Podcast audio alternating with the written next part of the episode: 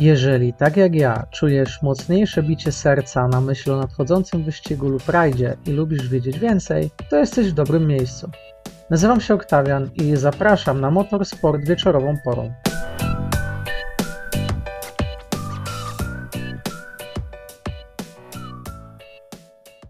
Cześć, witam Was w czwartym odcinku Motorsportu wieczorową porą. Dziś spotykamy się oczywiście przy okazji zakończenia rajdu Finlandii w WRC. Po rajdzie Estonii z dość dużym niepokojem oczekiwałem na tę rundę, obawiając się dominacji Kallero Vanpery. Później jednak Finn starał się studzić emocje, zapowiadając w mediach, że nie musi niczego udowadniać i nie będzie podejmował zbędnego ryzyka, aby za wszelką cenę odnieść zwycięstwo w swoim domowym rajdzie. Na szczęście okazało się, że moje obawy nie przeniosły się na rzeczywistość i oglądaliśmy bardzo ciekawą walkę przez cały weekend. Powinniśmy bić pokłony przed Ojtem Tanakiem i Martinem Jarveoją, że nie był to pojedynek trzech załóg Toyoty, bowiem Estończycy dołączyli do batalii z Rovanperą, Lappim i Evansem. W drugiej połowie sobotnich odcinków było już raczej jasne, że ostateczny bój o zwycięstwo stoczą Tanak i Rovanpera. Przed wyjazdem na Power Stage to kierowca Hyundai miał 10 sekund przewagi. Ostatecznie to wystarczyło, aby obronić się przed, nie bójmy się już tego powiedzieć, przyszłymi mistrzami świata. Tanak i Jarveoja wygrali tym samym swój drugi rajd w tym sezonie. To przytłaczające, kiedy uświadomimy sobie, że w tym sezonie rajdy wygrywały tylko trzy załogi. Jedynie Tanak i Leb byli w stanie powstrzymać Rovanperę. Zawsze były to jednak wyjątki od reguły.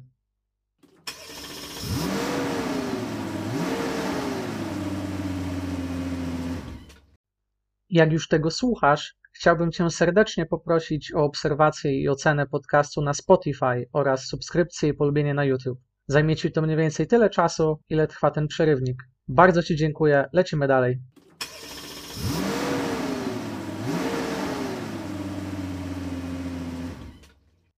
Na przedostatnim odcinku specjalnym rajdu SAP Lappi dachował swoim Yarisem Rally 1 w naprawdę dziwny sposób.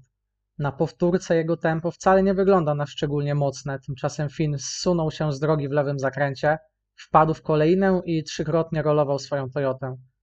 Na tym OS-ie udało mu się dojechać do mety ze stratą 20 sekund, ale problematyczna była kwestia wycieku z systemu chłodzącego.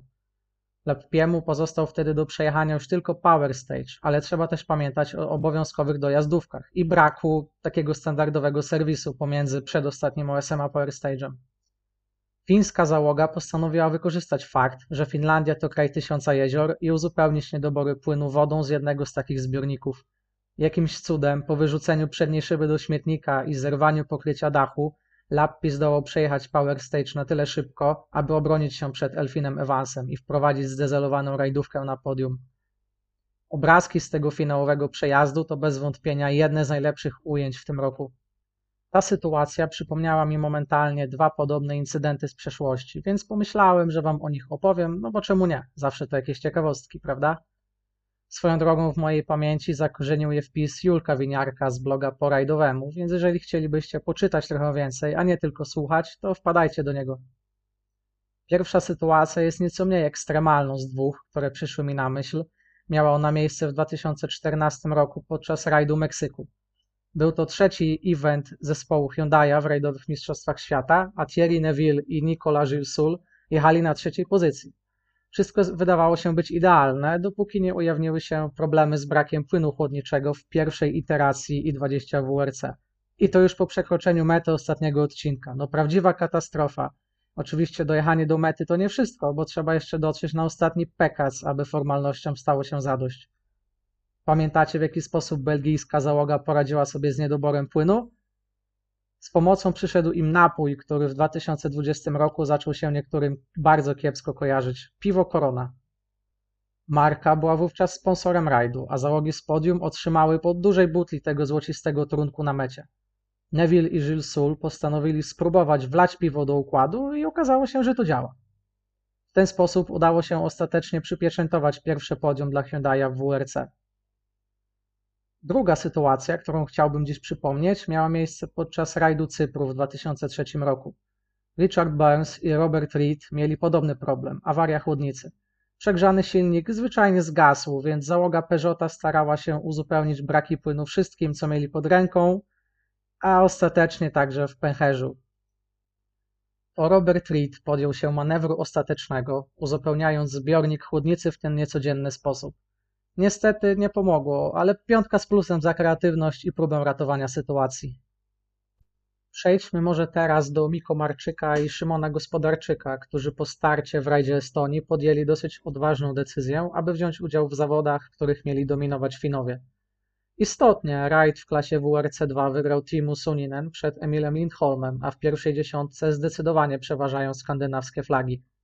Załoga Orlen Teamu zdołała jednak wywalczyć siódme miejsce i zdecydowanie nie ma się czego wstydzić. Przed nimi znalazły się wyłącznie załogi fińskie, a także jedna estońska i nowozelandzka. Jak na debiut w tej imprezie, naprawdę nieźle. Wystarczy wspomnieć, że w najwyższej klasie załogi pochodzące spoza Skandynawii od zawsze mają problemy z pokonaniem Finów na ich terenie. Oczywiście w przypadku Miko i Szymona ktoś może powiedzieć, że siódme miejsce to nie jest satysfakcjonująca pozycja na zakończenie rajdu. Musimy jednak pamiętać o jednej bardzo istotnej rzeczy. Miko i Szymon nie biją się teraz o tytuł.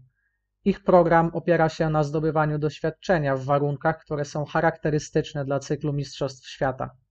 Sam Miko jest zresztą tylko dwa lata starszy ode mnie i nie dam sobie wmówić, że to jest już późno i trzeba się spieszyć za wszelką cenę.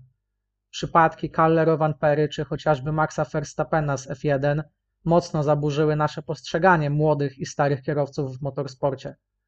Moim zdaniem program Miko i Szymona jest bardzo dobrze przemyślany i w taki sposób ten duet może uniknąć w przyszłości sytuacji, w której ich awans do wyższych klas będzie zablokowany przez, cytuję, brak doświadczenia w pełnym kalendarzu WRC. Trzymam kciuki za Miko, trzymam kciuki za Szymona, tak samo jak ściskam je za Kajetana Kajetanowicza i Macieja Szczepaniaka. Pamiętajcie, nie dzielmy się na obozy, naprawdę nie warto. Teraz pora przejść do nieco mniej optymistycznych kwestii.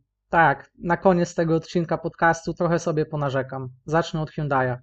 Okej, okay, Tanak wspiął się w ten weekend na wyżyny swoich umiejętności, ale nie możemy w takiej sytuacji zapomnieć, jaką taczką jest tegoroczne i20 Rally 1.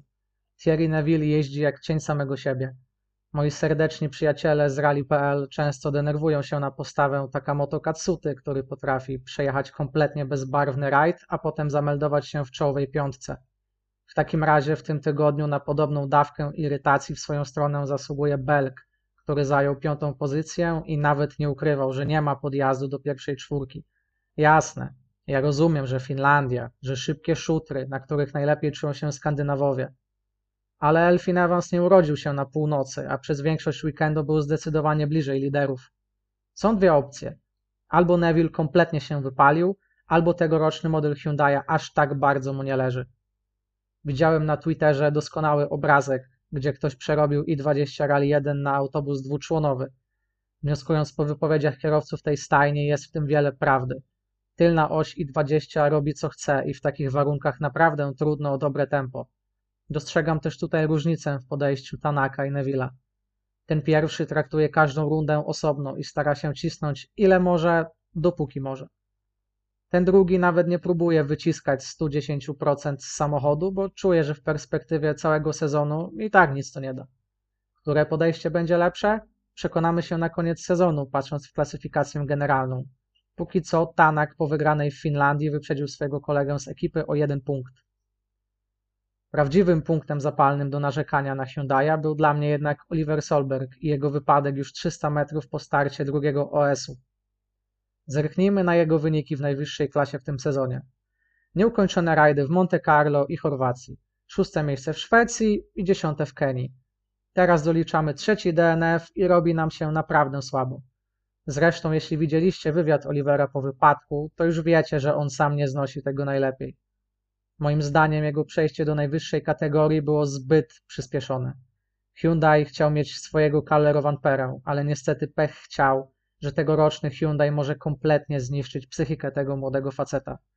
Nie można ukryć jego braku doświadczenia oraz błędów, które popełnia, a niestety i20 Rally 1 z 2022 roku brutalnie obnaża takie słabości. Według mnie, jeżeli szefostwo Hyundai ma rozum i godność człowieka, to powinno cofnąć Olivera do WRC2 na stałe, nie tylko na jedną rundę i próbować uratować tego gościa, bo obecnie wygląda to naprawdę słabo. Na sam koniec też narzekanie, ale tym razem na M-Sport. Gus Greensmith znów jest najwyżej sklasyfikowanym kierowcą tego zespołu na zakończenie zawodów. Mówimy tutaj o facecie, który wygrał jeden odcinek specjalny w Mistrzostwach Świata podczas rajdu Monte Carlo i do dzisiaj jest to wyświetlane jako jego główne osiągnięcie przy nazwisku podczas transmisji na WRC All Life. Adrian Fourmont skomplikował sobie zabawę na własne życzenie już w piątek, kiedy uderzył w kamień i stracił wspomaganie kierownicy. Pierre-Louis Loubet jechał spokojnie i byłby za Greensmithem. Oczywiście Ford Puma postanowił odmówić posłuszeństwa na dojazdówce przed Power Stage'em. Breen jechał w pierwszej piątce i wyglądało na to, że ma on jakiś potencjał na mocne tempo przez cały rajd, ale w sobotę źle obliczył skok na hopie, po czym wylądował tak, że prawe tylne koło stwierdziło, że nie chce być dalej częścią tego złomu i wyleciało w powietrze. Richard Milner wściekał się na Brina i mówił, że taki błąd nie powinien mieć miejsca. Ale czy to by coś zmieniło?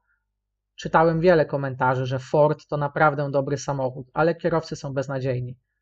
Jasne, pełna zgoda z drugą częścią tego stwierdzenia. Tutaj nie ma kierowcy pokoju Sebastiana Ogiera, który mógłby zrobić ogromną różnicę w całym sezonie, ale Puma nie jest regularnie na poziomie chociażby Jarisa. W tym sezonie było zbyt wiele rund, w których coś psuło się w M-sporcie tak samo z siebie. Zresztą nawet w samej Finlandii nie wspomniałem jeszcze o Jarim Hutunenie, który stracił wspomaganie kierownicy, potem na chwilę je odzyskał, aby później znów je stracić. Tak nie jeździ topowa maszyna. Jestem zawiedziony sportem, bo sam przed sezonem pokładałem spore nadzieje w ich konstrukcji. Liczyłem, że powtórzą niespodziankę z 2017 roku, kiedy najlepiej rozpracowali nowe przepisy i było ich stać na zwycięstwa, póki reszta stawki nie zainwestowała w rozwój samochodu i nie dogoniła niedoinwestowanego M-sportu. Niestety przeliczyłem się. Na sam koniec jeszcze ciekawostka, jak już mówimy o Jarim Hutunenie. Jest to ostatni kierowca, który zdobył tytuł rajdowego mistrza Polski, a później miał okazję ścigać się samochodem klasy WRC w rundzie Mistrzostw Świata. Czy jesteście w stanie wskazać ostatniego Polaka, który zdobył tytuł mistrza naszego kraju i ścigał się wórcami? Chodzi mi o zawodnika, który zdobył ten tytuł najpóźniej. Odpowiedź: Jest to mistrz z 2006 roku, więc trochę czasu już upłynęło. Dam wam jeszcze chwilę na zastanowienie, a wy napiszecie później uczciwie w komentarzu, czy wiedzieliście. Odpowiedź to Leszek Kuzaj. Chyba wszyscy chcielibyśmy napisania nowej pozytywnej historii, prawda? Oby jak najszybciej. I to już wszystko w czwartym odcinku Motorsportu wieczorową porą. Bardzo Wam dziękuję za odsłuchanie. Mam nadzieję, że spędziliście bardzo dobry weekend. Do następnego. Hej!